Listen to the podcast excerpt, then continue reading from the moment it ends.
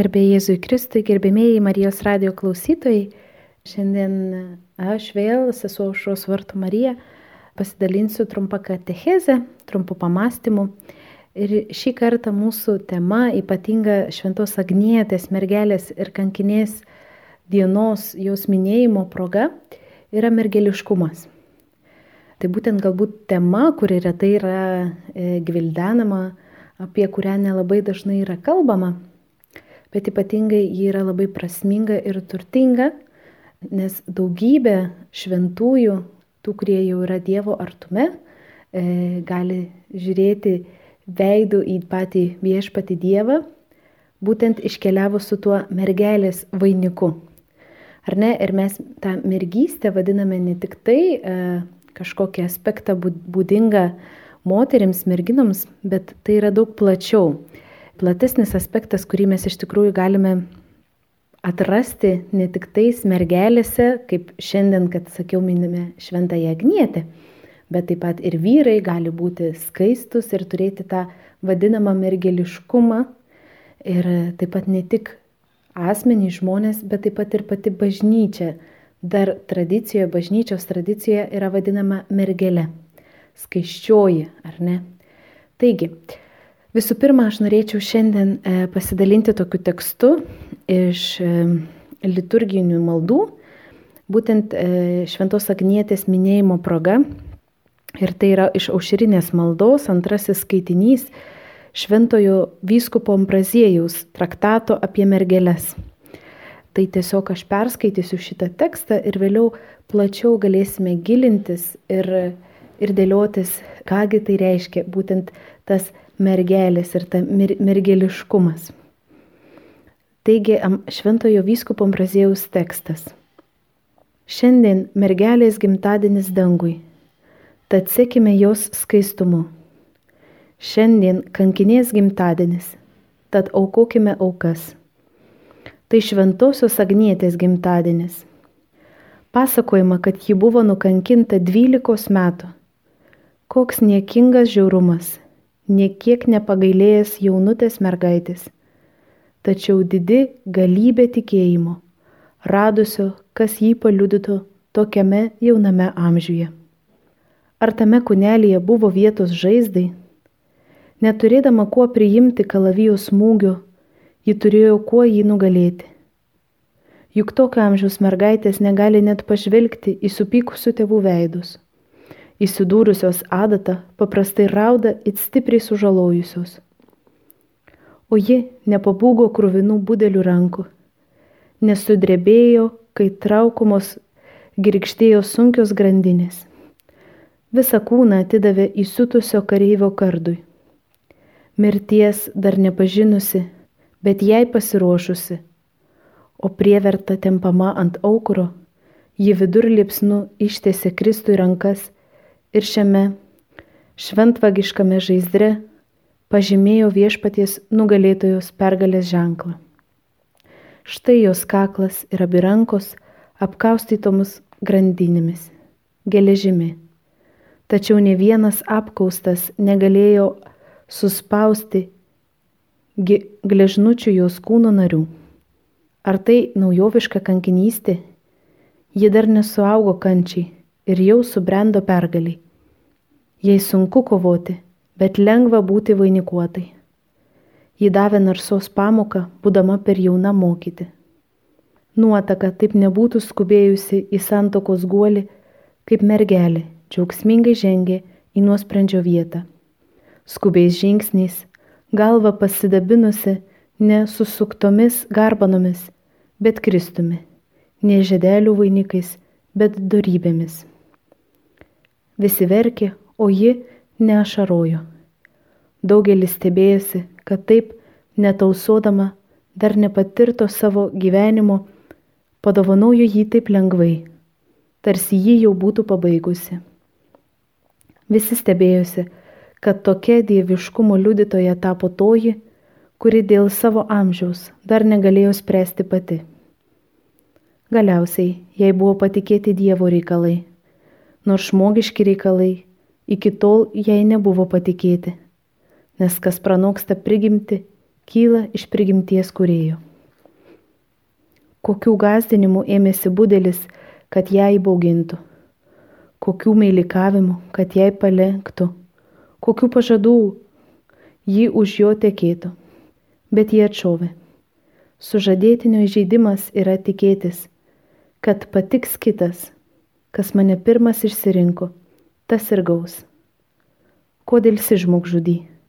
Te pražūna kūnas, kurio gali geisti akis, aš jo nenoriu. Jie atsistojo, pasimeldė, nulenkė kaklą. Galėjai matyti, kad budelis nustėro, lik pats būtų buvęs nuteistas.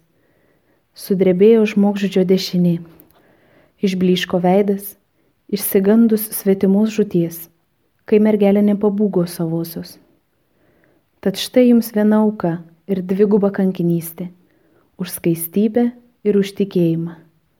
Ji išliko mergelė ir pelnė kankinės vainiką. Tai štai koksai e, pasakojimas iš tikrųjų, kaip ir įvyko visa kankinystės istorija šventos Agnietės mergelės. Ir mes galbūt e, dabar galėtume palikti šiek tiek šitą tekstą ir pagalvoti iš tikrųjų būtent kaip ir buvo paminėta. Agnietė, jaunutė merge, mergaitė, ėjo į savo kankinystės e, vietą pasidabinusi darybių vainiku, pasidabinusi Kristumi. Ne garbanomis, ne gėlių vainiku, bet būtent skaistybės vainiku. Ir taigi galime pagalvoti, kas yra ta skaistybė.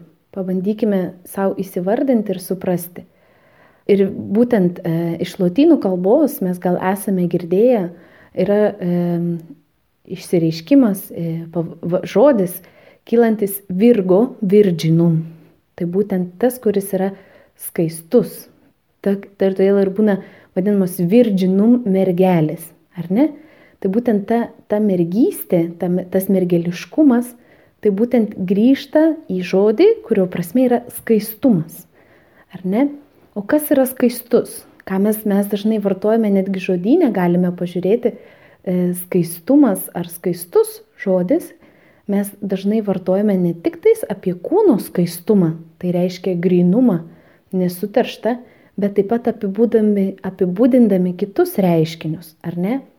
Skaistus, e, giedras, grynas, dangus, skaiščiai šviečia saulė, ryškiai, švariai, ar ne, stipriai. Mes galime pagalvoti apie, apie skaistų vanduo, kai jis yra permatomas, kai jisai grynas ir švarus. Taip pat apie švarų, gryną orą mes galime pagalvoti, kai einame mišku ir kvepuojame grynu oru. Tai būtent tas skaistumas, tas grynumas, tas tikrumas mums leidžia, mm, va, būtent ieškant ypatingai gamtoj tų pavyzdžių, mes atrandame, kad tai būtent ir apibūdina tai, koks tobulai sukurtas yra E, Dievo kūrinys. Nesuterštas, nepaliestas, kažkuo nepajudintas dar, ar ne, ne nepersmelktas kažkokio tai pasikeitimu, kaip mes galime sakyti apie gryną vandenį, kuris yra nesuterštas kažkokiu drumzliu, žemių, e, kitų medžiagų, kaip mes galime sakyti apie gryną orą, e, skaistų, ar ne, kad jis yra švarus, e, jis yra toks, koks turi būti, ar ne? E, taip pat kaip mes galime, pavyzdžiui, sakyti, e, ryškios, skaiščios spalvos. Ar ne, kartai žiūrėdami į kažkokį piešinį, kūrinį, mes galime sakyti ryškiomis, grinomis, skaiščiomis spalvomis nupiešta. Ar ne, tai reiškia būtent tie, kurie be priemaišų, tie, kurie dar nėra sutepti, nėra perkeisti kažko. Tai būtent apie tą kūno skaistumą ir žmonėse, mumise, tiek vyrai, tiek moteris, mes esame skaistus nuo pat gimimo bet būtent tas fizinis skaistumas, ar ne, kai gimstame tokie grini, kokie esame. Ir žinoma, mūsų, mūsų būtent todėl tas skaistumas, ta skaistybė, kurią, kurią mes, su kuria mes gimstame, mes ją nešiojame. Ir mes žinome, kad ją galima labai lengvai sulaužyti, jos galima labai lengvai netekti. Kaip bet kurį kitą dalyką, gryną, e, švarų, skaistų, mes galime labai lengvai suteršti. Bet vėlgi atsiminkime ir įsidėmėkime, tai yra prigimtinis dalykas. skaistumas, ar ne, kurį galima, kurį reikia įsaugoti tam, kad mes ir išliktume grini. Kaip toji mergelė, skaiščioji mergelė, kodėl šventoji Agnietė turėjo drąsos ir jėgų priimti kankinystės vainiką. Todėl, kad ji buvo pažadėta, kaip jinai pati sakė, ar gali iš manęs žmogžudys tikėtis, kad aš jam duosiu tai, kas jau yra kitam pažadėta, kurį kitas pirmas pasirinko ir pasi, pasiemė savo. Ir jinai čia būtent kalba apie Kristų, kad Kristus ją pasirinko pirmiau negu žmogus, negu kažkoks vyriškis. Ir jinai negali būti pažadėtojai, sužadėtojai nuotaka, busimoji nuotaka žmogui, vyrui, nes jinai jau yra pasižadėjusi Kristui. Taigi būtent grįžkime vėl. Kūniškas skaistumas tiek žmonėse, tiek kažkokiuose galbūt, kaip mes sakėm, gamtoje ar kažkur, jis yra prigimtinis. Ir būtent, bet mes žmonės turėdami kūną ir sielą ne tik turime fizinį skaistumą, ne mūsų gryną kūno skaistumą, nesuterštumą, mes taip pat turime ir sielos skaistumą. Ir, ir vėlgi yra skirtumas, ar ne, gamtoje fiziniai dalykai, kaip aš sakiau, grinas oras, grinas vanduo, skaiščios kažkokios spalvos ar kažką, tie materialiniai dalykai, jie gali būti suteršti kažkokių veiksnių. Būtent mumise skaistumas žmoguje gali būti suterštas tų veiksnių, kuriuos aš pats leidžiu, kad jis įvyktų. Kaip mergelė Agnietė, jinai atsisakė ir jinai norėjo išlikti skaisti. Jinai nenorėjo jokios sąjungos, jinai nenorėjo nei atiduoti nei savo kūno, nei savo sielos niekam kitam kaip Kristui. Todėl ji ir liko ir už tai turėjo paukoti savo gyvybę ir atidavė, atsidavė mirčiai, bet jinai išliko grina, skaisti tiek kūnu, bet tiek ir savo jausmais, savo atsidavimu, savo sielą, kuri buvo pažadėta pačiam Kristui. Taip pat ir mes gyvenime galime labai prarasti tą sielos skaistumą labai greitai, atsižadėdami, nebūdami ištikimi, parsiduodami, kartais iš baimių, iš savo e, bijodami būti kažkaip išjuokti, paniekinti, pažymėti, e, mes labai dažnai parduodami, išsiduodam, leidžiame būti supurvinami. Ir žinoma, mes esame pažymėti gimtosios nuodėmės ženklu. Bet tai nereiškia, kad gimtoji nuodėmė iš karto tai yra mūsų prakeikimas ar kažkoks nustatymas, kad mes niekada negalėsime būti skaistus. Tai būtent yra atvirkštinis darbas. Dievas sukūrė žmogų tobulai, ar ne? Bet dėl gimtosios nuodėmės mes turim tą polinkį, mes turime tą silpnumą, mes esame kaip trapus indai, ar ne? Mes esame, nesame geležiniai indai, mes esame kaip krištoliniai indai kurie yra trapus, kuriems reikia labai atsargiai elgtis, kad jie išliktų grini, kad jie išliktų tokie, kokie jie buvo iš prigimties skaistus, sukurti ir sugalvoti. Todėl būtent tas skaistumas kūno, skaistumas sielos, tai yra mūsų pareiga jį auginti ir neleisti, kad tie negrinumai, kažkokie tai nešvarumai įeitų ir suterštų. Taip pat, tai va todėl ir būtent tas mergeliškumas, ta mergystė ar skaistumas, ar ne, tai būtent tai yra viso gyvenimo darbas. O kam to reikia? Kodėl aš negaliu prarasti to skaistumo, to mergeliškumo? Tam, kad aš išlikčiau grynas, kad aš išlikčiau švarus, kad aš nebūčiau savo kažkokių tai įdų vergas, kad aš nebūčiau parsidavęs kažkam, tai yra pasauliui, velniui, mano kūno geismams. Tai yra mano trys pagrindiniai priešai. Kad aš nebūčiau vergovėje, bet aš būčiau laisvas. Aš būčiau laisvas su Kristumi.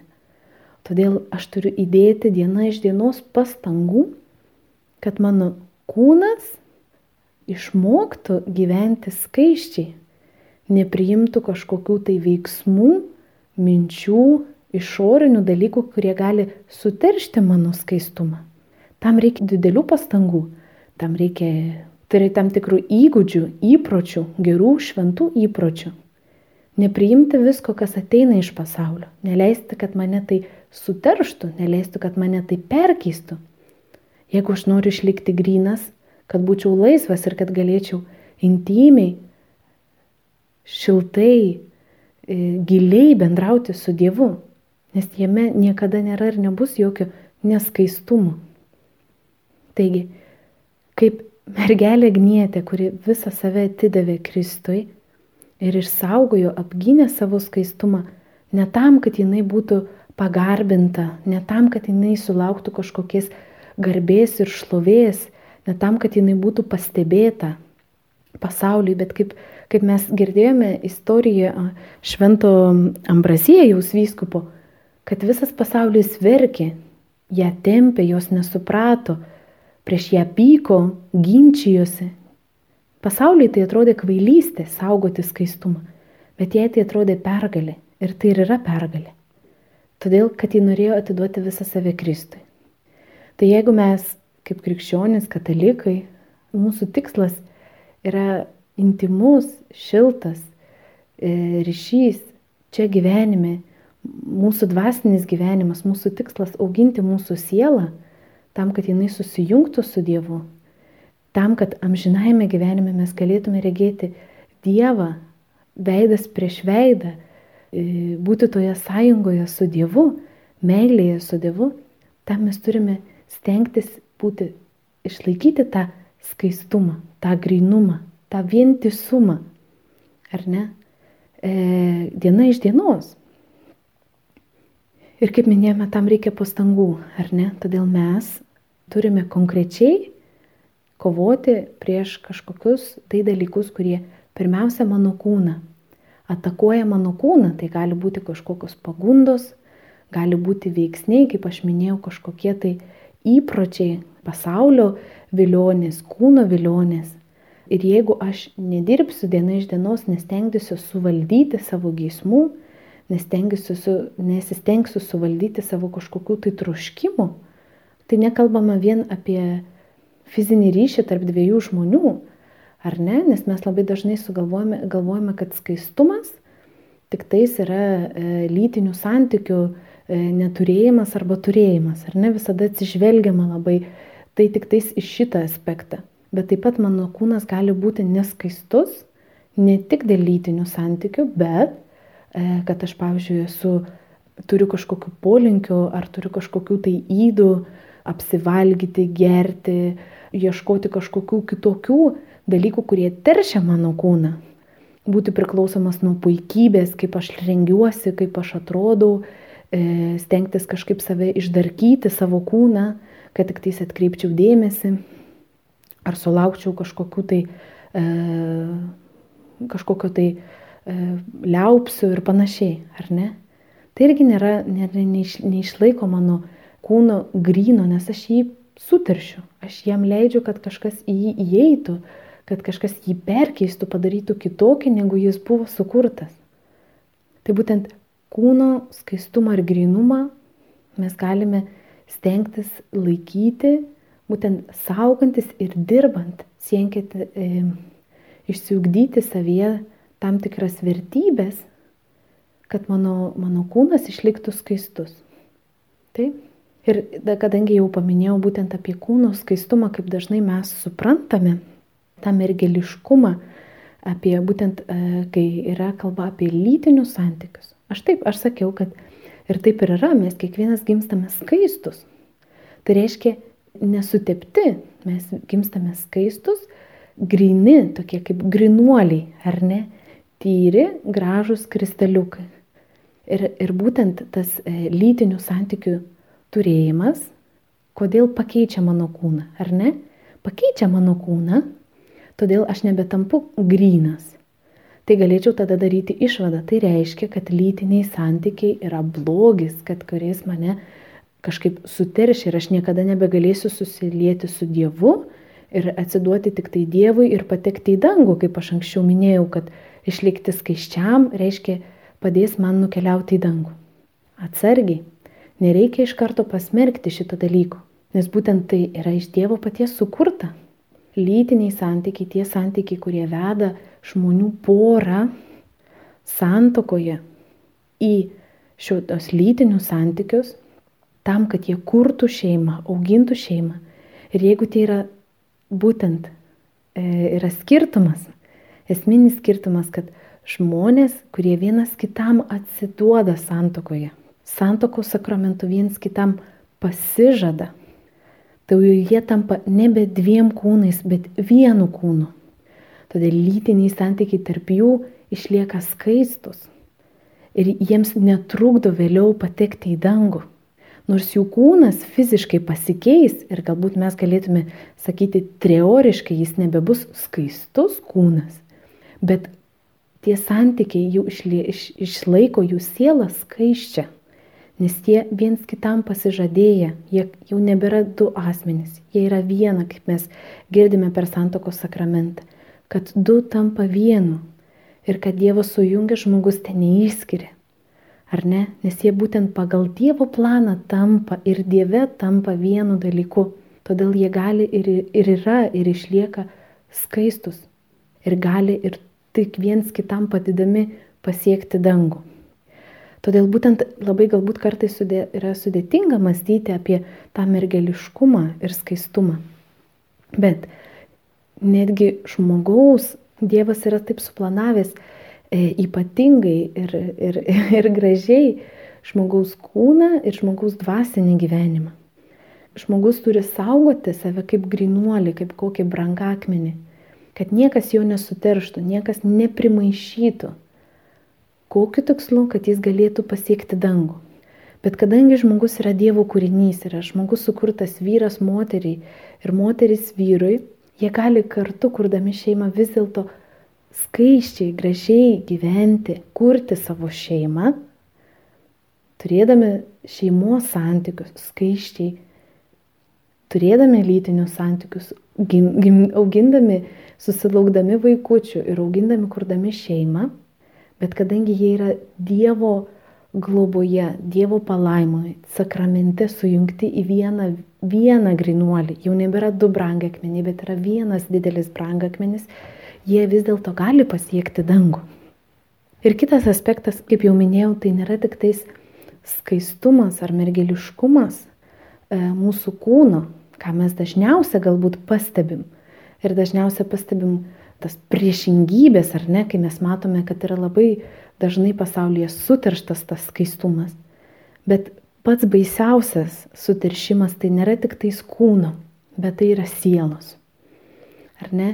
Nes kūną mes galime kažkaip dar bandyti perkeisti, ar ne?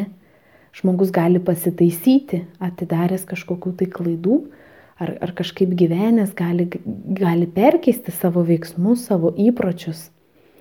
Bet tai, kas yra nematoma ar dažnai pamirštama, tai būtent sielos skaistumas ir mergeliškumas. Yra daug sudėtingesnis, yra daug mažiau apčiuopiamas. Aš galiu fiziškai būti skaistus, bet mano siela gali būti visiškai neskaisti. Mano siela gali būti suteršta, mano siela gali būti gyventi kažkokiuose įdose. Tai būtent čia ir yra pavojinga, kai ta nematomoji dalis, e, jinai ne, ne, negyvena skaistume. Ir būtent sielos skaistumas, kuriuo aš turėčiau irgi ypatingai rūpintis, tai būtent tas grinumas, tas nesuterštumas. Ir tai yra tas intensyvus tikinčiojo darbas. Dažnai žmonės galvoja ir mes patys galvojame, kad, na, tikintysis e, tai žmogus tas, kuris e, kaip ritualas, kaip tradicija dalyvauja šventose mišiose, sukalba kasdienės maldelės, galbūt rožantėlį ir e, dalyvauja gal adoracijoje, tai čia jau labai aktyviai dalyvauja visur kur ir ten maldos grupelėse ir panašiai, ir to jam ir užtenka.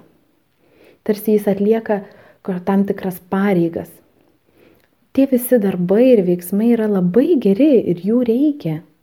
Bet būtent jie nėra tam, kad atlikti ir pasižymėti pas Dievą kaip kokiam e, anketoje, kad atlikau šitą ir dar, dar vieną darbą ir dar vieną darbą, ar ne, kad sužymėti pliusiukus, ką padariau, Esmė e, mūsų tikėjimo, mūsų gyvenimo čia žemėje - skaistinti ir gryninti mūsų sielą.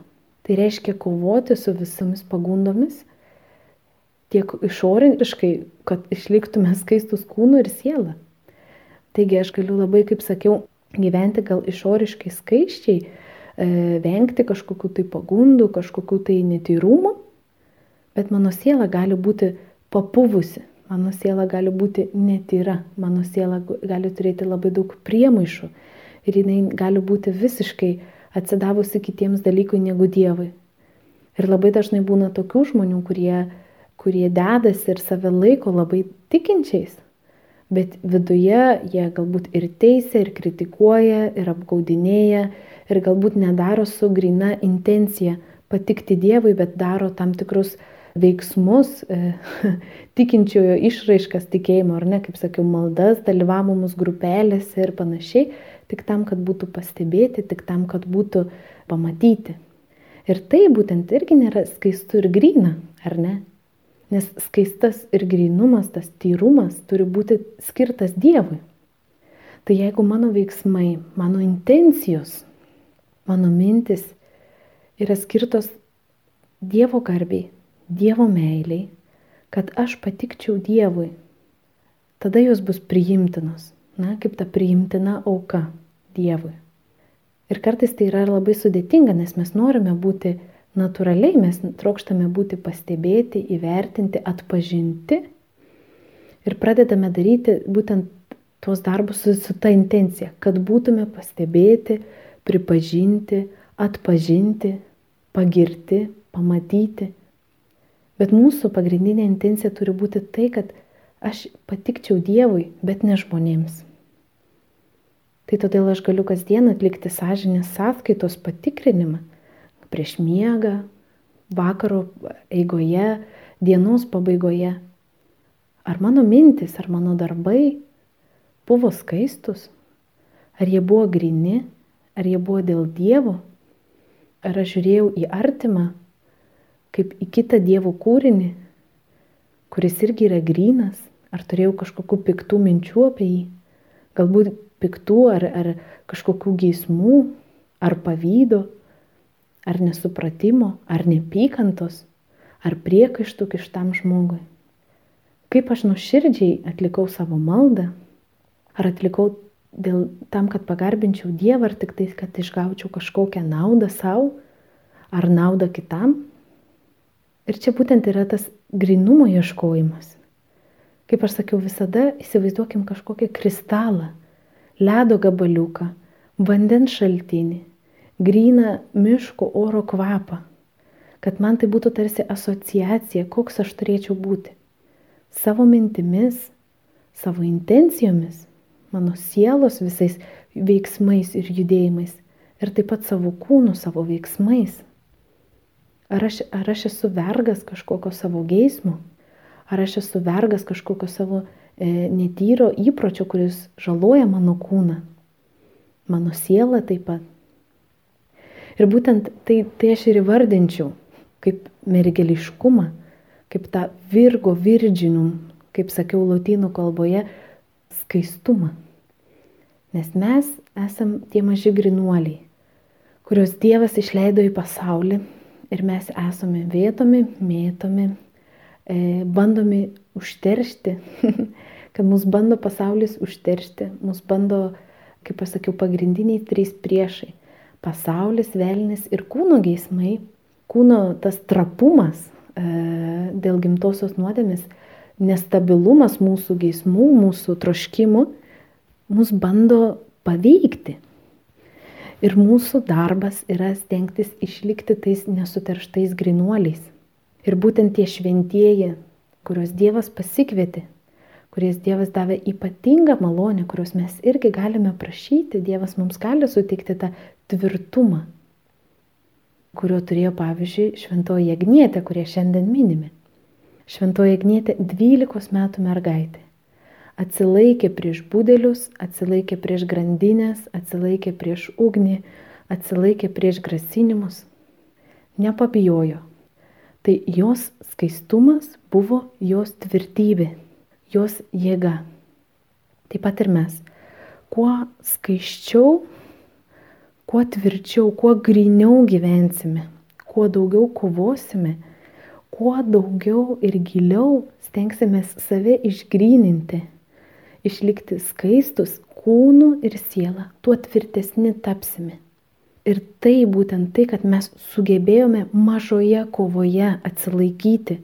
Galbūt aš sugebėjau kovoti ir atsisakyti kažkokios įdos, kažkokio tai įpročio blogo, pavyzdžiui, teisti, kritikuoti, skūstis, kažkokio geismo, geidulio atsisakyti, ar ne? Save suvaldyti, savo gyvulišką kažkokį tai instinktą. Šitoje mažoje kovoje aš įveikęs vieną žingsnelį, tampu stipresnis įveikti didesnę kovą. Galbūt kažkokią didesnę pagundą, galbūt kažkokį tai didesnį iššūkį, kurį Dievas man leis, kad ateitų į mano gyvenimą, nes jis būtent ir nori mus gryninti. Kaip auksas ir sidabras turi būti gryninami, gryninami liepsnuose, kad būtų tas grynas metalas, ar ne? kad iš jo visos priemaišos išbėgtų. Taip pat ir mes. Dievas mums e, davė tokią prigimtį, kokią davė. Mes esam sukurti gražus ir grini, bet Dievas leidžia, kad mūsų, mūsų paveiktų gimtojusios nuodėmės pasiekmes. Bet ne tam, kad mus pasmerktų pražudžiai, tam, kad mes kovotume ir išsigrynintume, kad ieškotume, siektume to grinumo. Tai reikia apie tai mąstyti ir suvokti, kad mes patys iš savęs esame labai menkučiai. Su Dievo pagalba, kaip šventoje Agnietė ir kiti šventieji, su Dievo pagalba esame mažučiai, menkučiai, bet tik dėl jo ir jam. Jeigu mūsų tikslas, mūsų intencija ir mūsų mintis yra dėl jo ir jam, jisai mums duos malonę, jisai mums duos tvirtybę pasiekti tam tikrų dalykų, susilaikyti, kovoti prieš savo kūno geidulius ir geismus, kovoti prieš mūsų sielos trapumus, kad mes būtume grini ir skaistus, tyri, permatomi, gražus, tobuli, kaip Dievas ir nori, kad būtume. Ar ne? Ir būtume kuo panašėsime į jį, į viešpati Dievą. Nes toks yra mūsų tikslas. Iš jo išėjome ir pas jį turime sugrįžti. O tam, kad matytume veidas į veidą viešpati, turime būti skaistus, išgryninti, kaip tas tyras, grynas metalas, kuris turi pereiti per liepsnas. Todėl nėra taip lengva visą tai, ką, ką šiandien galvojame ir ką šiandien šnekame, kad išlikti tas mergeliškumas, tas skaistumas, tas grinumas, jisai nėra lengvas. Tai yra kasdienė ir didžiulė kova. Vienas iš šventųjų, dabar nepamenu, kuris yra sakė, pati didžiausia kova, pats didžiausias priešas kiekvieno iš mūsų esame mes patys. Tai reiškia, tai yra mano polinkiai, mano silpnybės kažkokie, mano kūno geismai, mano kažkokios įdos. Esame mes patys, todėl mes turime eiti į kovą su jais, ar ne, ir kovoti. Ir sakau, mūsų tvirtumas bus tos mažos pergalės, Jeigu aš pralaimėjau vieną kovą, tai nereiškia, kad aš pralaimėjau mūšį. Ar ne? Ir taip pat atvirkščiai galėtume pasakyti, jeigu aš laimėjau mūšį, jeigu aš laimėjau vieną kovą, tai nereiškia, kad laimėjau visą mūšį. Bet aš laimėjau vieną kovą.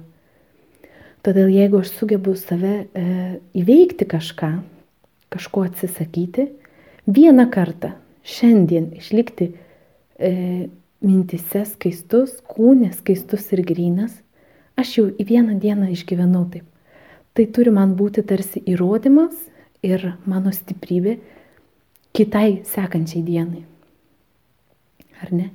Ir tik tuomet, kai tai yra dėl jo, ir tai yra tik tam, kad aš su juo labiau susitikčiau ir susivienyčiau, su mūsų viešpačiu. Ar ne? Tai turi būti ta grina intencija, tyra intencija, skaisti intencija, troškimas. Ne tam, kad gaučiau kažkokią naudą, bet tam, kad jam suteikčiau garbę. Ir, ir pažiūrėkite, kaip gražu iš kitos pusės.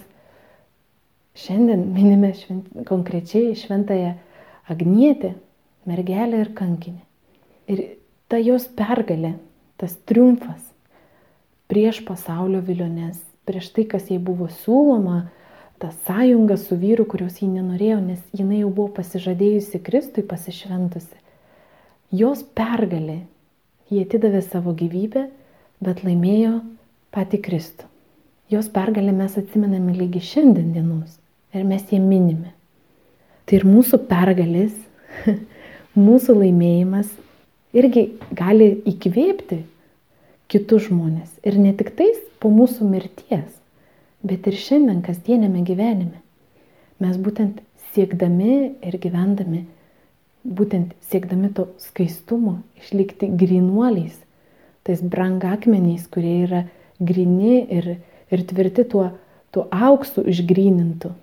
Siekdami jau to diena iš dienos, kasdienėme gyvenime mes jau tampame kasdieninėme gyvenime liudytojais. Kad dėl Dievo meilės yra įmanoma, yra įmanoma nepasiduoti kūno geismams, yra ne, įmanoma nepasiduoti sielos kažkokiems tai e, trūkumams ar vidiniams pagundoms. Ar ne? Mes tampame liudytojai ir, kaip galima sakyti, anspaudas to, kad Dievas yra daugiau. Dėl Dievo meilės, dėl Dievo garbės yra įmanoma padaryti tai, kas pasaulio akimis yra neįmanoma. Ir būtent e, čia galbūt ir galime atsižvelgti į tai, ką, ką labai dažnai, e, galbūt mes kalbėdami apie mergeliškumą ir skaistumą, susijęme su pašvestuoju gyvenimu. Ar ne, kad tik tais pašvestieji, kas yra iš tikrųjų, jie pasižada gyventi skaiščiai, jie atlieka įžadą. Ir kartais tai yra pašvestieji, kurie pilnai atlieka ir kitus įžadus, arba būna tik tais pasauliečiai pasis, pašventę savo skaistumą, kurie pasižada nekurti šeimos ir būtent skaiščiai gyventi kūnu ir sielas, ieškoti Dievo meilės ir rodyti tą Dievo meilę. Ir mes juos labai dažnai turime kaip būtent pavyzdžius, kad įmanoma suvaldyti kūno geismus, troškimus, tą natūralią kūno eigą, tam, kad įrodyti, kad Dievo meilė yra stipriau, kad dėl Dievo meilės galima padaryti tai. Kad dėl Dievo, jeigu Dievas to prašo, aš galiu atsisakyti tai, kas man natūraliai ir iš paties Dievo yra suteikta, tai yra mano kūnas, mano, mano galimybė kurti šeimą. Aš pati būdama vienuolė, tai galiu labai gerai paliudyti, kad tai yra pats gražiausias dalykas, ką Dievas žmogui davė. Ir yra pats natūraliausias dalykas, gražiausia dovana, ką žmogui Dievas žmogui davė tai kurti šeimą. Kurti šeimą ir kad sukurtume šeimą, turėti santykius, vyras su moterį, moteris su vyru, tai yra pats natūraliausias, gražiausias dalykas. Gamtoje taip surėdyta, visos, visi gyvūnai, visi, visi taip sudėliota, kad turi būti pora. Tam, kad toliau tęstų giminę, kurtų šeimą žmonės, pavyzdžiui. Ir tai yra pats natūraliausias ir gražiausias dalykas. Tai galėtume sakyti, kad tie, kurie to atsisako, tarsi tampa nenormaliais. Ar ne? Bet būtent jeigu atsisako tik dėl kažko, kad dėl savęs, dėl savo meilės savo, todėl kad nori gyventi patogiai, nori gyventi kažkaip save labiau mylėdamas kitose srityse, siekdamas pasiekti darbo, siekdamas e, užtikrinti savo kažkokią fizinę sveikatą ir grožį, siekdamas garantuoti savo patogesnį gyvenimą, atsisako šitų dalykų, kas yra gražiausia ir natūraliausia Dievo dovana, tada Dievas vargu ar laimins iš tikrųjų. Nes Dievo planas yra kitoks. Bet tie, kurie atsisako to iš Dievo meilės, dėl Dievo ir tam, kad įrodytų ne savo, bet būtent pasauliui, nes savo įrodyti to nereikia dėl savęs žmogus yra linkęs į tai. Dėl savęs žmogus yra linkęs kurti šeimą, nes tai užkoduota jo prigimtyje. Bet būtent tas susilaikimas ir tas pasišventimas, kitoks pasišventimas, nekurti šeimos, kai jis yra Dievo plane, tai yra būtent pašaukime, nes tai yra Dievo, dievo norų, Dievo pašaukimu to yra prašoma asmeniškai Kiekvienas, kuris gauna tą pašaukimą, tą supratimą, kad Dievas prašo daugiau, kad Dievas prašo paukoti netgi tai, kas yra natūraliausia ir gražiausia. Tai kurti šeimą ir Dievas prašo paukoti šį, šį, šią gražią dovaną. Ir likti skaiščiam ir būtent siekti to kūno skaistumo, tam, kad ir siela išsigrynintų ir būtų skaisti ir pasiaukoti Dievui. Ir tai yra didžiulė auka. Kaip aš sakiau, kad auksas turi būti išgrinimas liepsnuose. Ir kaip aš sakiau, taip pat minėjau, kad kiekvienas iš mūsų kasdienėme gyvenime kovodamas prieš kažkokias tai įdas, geismus ar potraukius, irgi yra kovoja, tai irgi yra gryninimas, tai irgi yra, tai yra tam tikra kankinystė, ar ne, kai aš turiu tave suvaldyti savo mintis, savo, savo veiksmus. Taip pat ir pašvestajame gyvenime tai yra kasdienė kova. Tai todėl, kad žmogus turi pašaukimą, ar Dievas to paprašo, tai nėra iš karto atiduodama kaip paprastas dalykas. Tai yra kasdienė kova. Tai būtent iš tikrųjų šitie, šitie dalykai e, tam, kad susimastytume ir suprastume, kaip gražiai Dievas sukūrė žmogų, sukūrė jo prigimti ir sukūrė mus tam, kad ateitume pas jį. Ir negalėsime niekaip kitaip jo pasiekti, negu kiekvienas tame pašaukime, kurį turi. Visi turime pašaukimą į šventumą. Grįžti pas Dievą, regėti Dievą akis į akį, veidas į veidą stipriai susijungti su juo, toje sąjungoje, toje vienybėje. Kas turi čia žemėje pašaukimą kurti šeimą, kas turi čia žemėje pašaukimą pasišvesti, paukoti ir kitaip būti tuo liudytoju Dievo galybės ir Dievo meilės. Visi mes galime liudyti Kristų, jeigu tikrai gyvename pagal Kristų. Ar ne? Bet kokiame pašaukime, kurį turime. Ir dar vienas aspektas, kurį norėjau pabaigai pagalvoti apie būtent tą skaistumą tą mergeliškumą, tą virginum lotyniškai, kaip aš sakau, būtent bažnyčia. Bažnyčia taip pat yra tradiciškai e, vadinama nuotaka, sužadėtinė, Kristaus sužadėtinė, Kristaus ar ne nuotaka. Bet būtent ir ji yra sukurta, kaip mes, kaip aš sakiau, gamtoje galime regėti tam tikrus pavyzdžius skaistumo ir grinumo, to tyrumo, nepaliesto grinuolio deimanto. Bažnyčia taip pat yra sukurta tokia. Bažnyčia kaip mistinis Kristaus kūnas, ne kaip vienas pastatas, kažkuri konkrečiai maldos namai, bet kaip tas Kristaus kūnas, mistinis kūnas, bažnyčia, kurio būtent Kristus yra bažnyčios galva. Mes esame nariai, Ir mes tas kūnas esame grynas ir tyras, nes bažnyčia, kadangi yra galva, Kristus ir jis yra šventas ir švenčiausias, tai kūnas negali būti kitoks. Ar ne? Todėl mes, būdami bažnyčios nariai, mes turime pareigą gyventi skaiščiai ir siekti to skaistumo, kad visas kūnas bažnyčia išliktų skaistus. Ir Dievo plane irgi yra su, sukurta ir sugalvota būtent skaisti bažnyčia. Tai kalbam apie tą grinumą, apie tą, apie tą atsidavimą tik Dievui, be jokių priemaišų, neatsiduoti niekam kitam, nesekti kažkokių pasaulio mąstymų, nesekti kažkokių tai priešiškumų ar priemaišų. Bet kadangi bažnyčia esame mes, taip pat kūno nariai, ar ne? Galva yra Kristus, mes esame kūno nariai. Tai mes esame daugybė mūsų yra. Tai mes turime pareigą siekti to skaistumo, bet mes taip pat žinom, kad mes klystam. Kad aš klystu, kad kitas klysta, kad ne visada išlieka skaistus tie nariai, tiek kūnų, tiek siela. Ar ne? Tai mes galėtume sakyti, a, bažnyčia visiškai čia apie mergeliškumą ir bažnyčia labai mes greiti kaltinti ir teisti ir smerkti vienas kitą. Kad turėtų būti tokie kunigai ar pašvestieji turėtų gyventi taip ar anaip, bet kunigai ir pašvestieji tai nėra tik jie bažnyčios kūnas. Mes visi esame bažnyčios kūnas. Todėl tiek kunigai ir pašvestieji, tiek kiekvienas iš mūsų pakrikštytasis. Ir visi, kurie yra kviečiami, o visa žmonija esame kviečiami atsiversti, įtikėti Dievą ir sugrįžti pas Dievą amžinajam gyvenimui, mes turime pareigą būti skaistų savo kūnu ir sielą. Todėl negalime kaltinti kažkokių tai atskirų asmenų, atskirų dalių bažnyčios, atskirų kūno narių, nes kiekvienas kūno narys turi tą pareigą siekti skaistumo. Ir bažnyčia jie išliks skaisti, todėl kad Kristus yra galva bažnyčios jinai negali netriumfuoti, negali, nes Kristus jau triumfavo. Jis prieš mirtį įveikė mirtį ir triumfavo.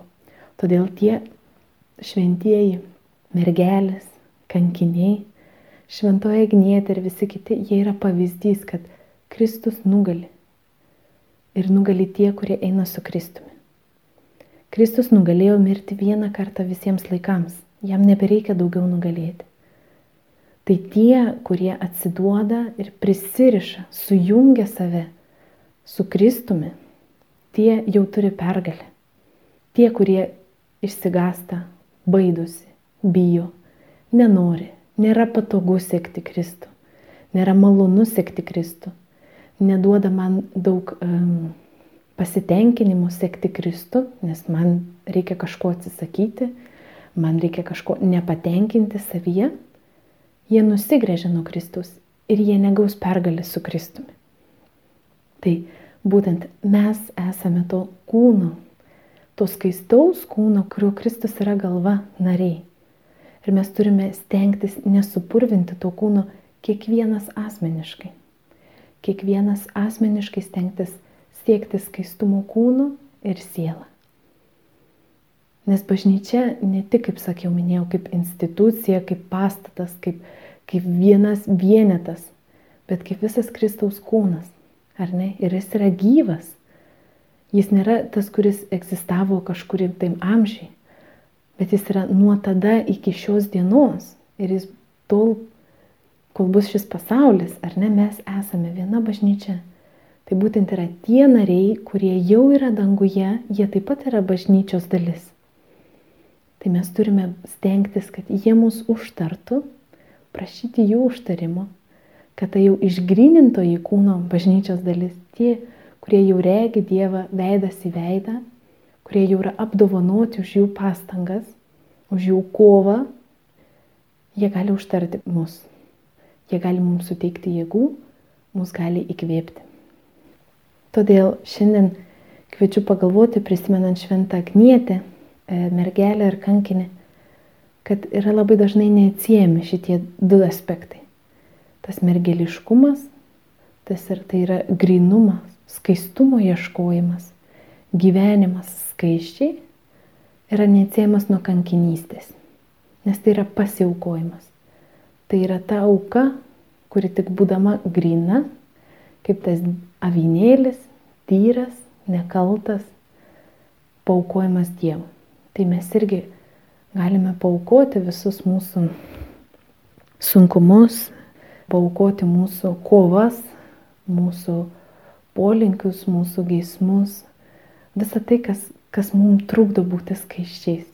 Ir Dievas, kuris mums suteiks jėgų, ištvermės, tvirtybės jeigu tik norėsime susijungti su juo. Jis nebus tas, kuris paniekina ar nusigrėžia nuo mūsų tyrų intencijų. Tai ieškokime kūno ir sielos skaistumo. Grynininkime savo kūną ir sielą. Tam, kad jis būtų gražus ir priimtinas Dievui. Tam, kad jis būtų kuo panašesnis į Dievą.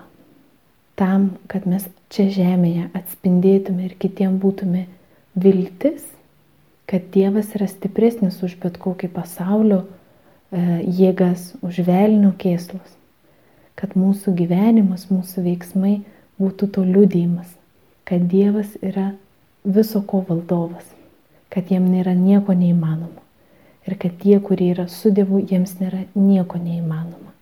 Jis sugeba save apmarinti, kovoti su savo kūniškais geismais, kovoti su tais trukdžiais, kurie trukdo būti skaistiems, griniems ir siekti to mergeliškumo, to skaistumo ir vientisumo, to grinumo. Tad būkime tie brangakmeniai, būkime tas išgrynintas auksas, tam, kad pasiektume amžiną laimę. Ačiū visiems, kad klausėtės, tikiuosi bus gražiam apmąstymui šie pasidalinimai, e, būtent šią labai gražią dieną, tai yra Šventos Agnietės diena. Tai būna jinai mums mūsų pavyzdys ir mūsų užtarėja šiame nelengvame darbe.